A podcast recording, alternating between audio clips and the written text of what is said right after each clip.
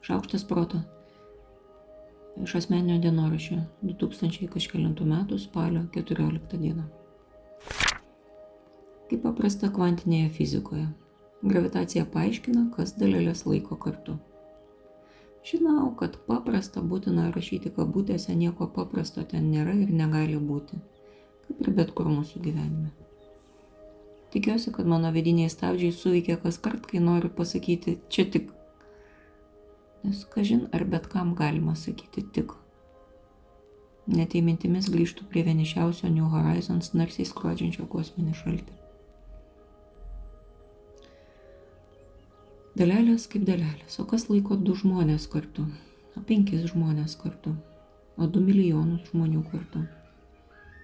Aišku, yra saugumas, Dar ir dar kartą kreipiuosi į akmens amžiaus gentį savo mintise, kurie sėdi veidų į savo ugnį nugarai tamsų mišką, nes kiekvienas mato kito užnugarį ir pamatys atsėlinantį vilką. Į gentį, kuris sustoja ratu, nugarai nugarą, kai reikia imtis ginklų ir saugoti vienas kitą. Nes 2 plus 2 yra 15, kai ginamės kartu ir esame tikri, kad užnugaris neliks tuščias kai esame tikri, kad iš užnugario negausime kirvio tarp šonkaulių. Mūsų laikais saugumas kitoks, noriu sakyti, beveik iš įpročio. Bet kai negali nuleisti akių nuo karo vaizdų, tai gal saugumo poreikis lieka ir toks. Dar yra patogumas. Ne visai saugumas be grėsmės pojūčio, bet nepailstantis siekis gyventi komfortiškai. Patogu dalintis maisto pirkimu ir ruošimu. Patogu dalintis grindų valymu ir elektros sąskaitą. Patogu dalintis per didelę maisto porciją ir pakikenti dviese žiūrint filmą.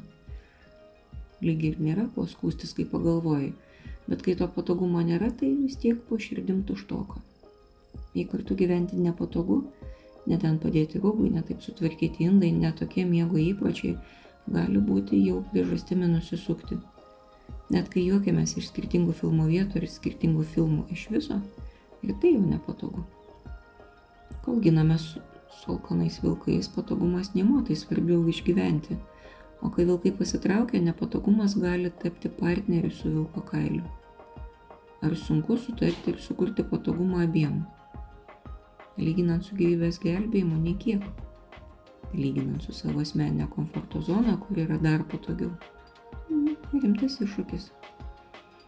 Todėl man atrodo reikia kažko kito, vardan ko iš tos komforto zonos išlipam, vardan ko kalbame, tariame, vardėjame, prisitaikome, sutarėme neprisitaikyti, bet toleruoti, taikomės žodžiu. Kai saugu ir patogu, jau gerai, jau turėtume sustoti. Pakankamai gerai nuspėjamas žmogus ir yra saugus.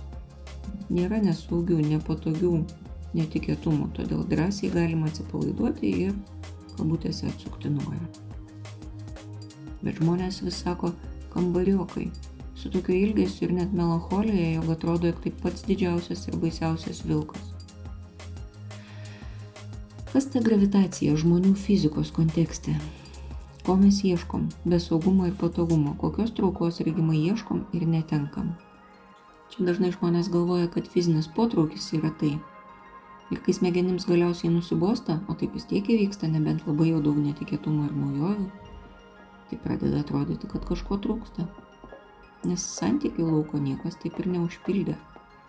Matyt, emocinė trauka irgi svarbi.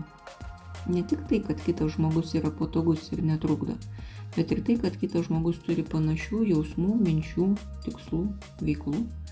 Tai padeda pajusti didesnį panašumą ir todėl artumą. Pažvelgti į kito žmogaus sielą iš dar arčiau visada yra stebuklingas jausmas. Ar tokį ir turim tikslą? Ar taip žiūrim į santykius?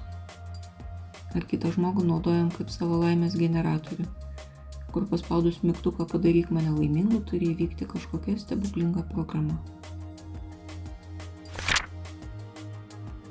Aš Monika Kuzminskaitė, sveikatos ir mytybos psichologė, padedu spręsti kasdienius ir sudėtingus elgesio, mąstymo ir emocijų klausimus. Rašau, skaitau paskaitas, teikiu psichologinės konsultacijas. Mane rasit socialiniuose tinkluose vardu Šaukštas Proto arba gyvai Vilniuje Goštauto gatvėje. Rašykit man asmeninę žinutę socialiniuose tinkluose arba elektroniniu paštu adresu šaukštas.proto atgmail.com. Taikos ir ramybės.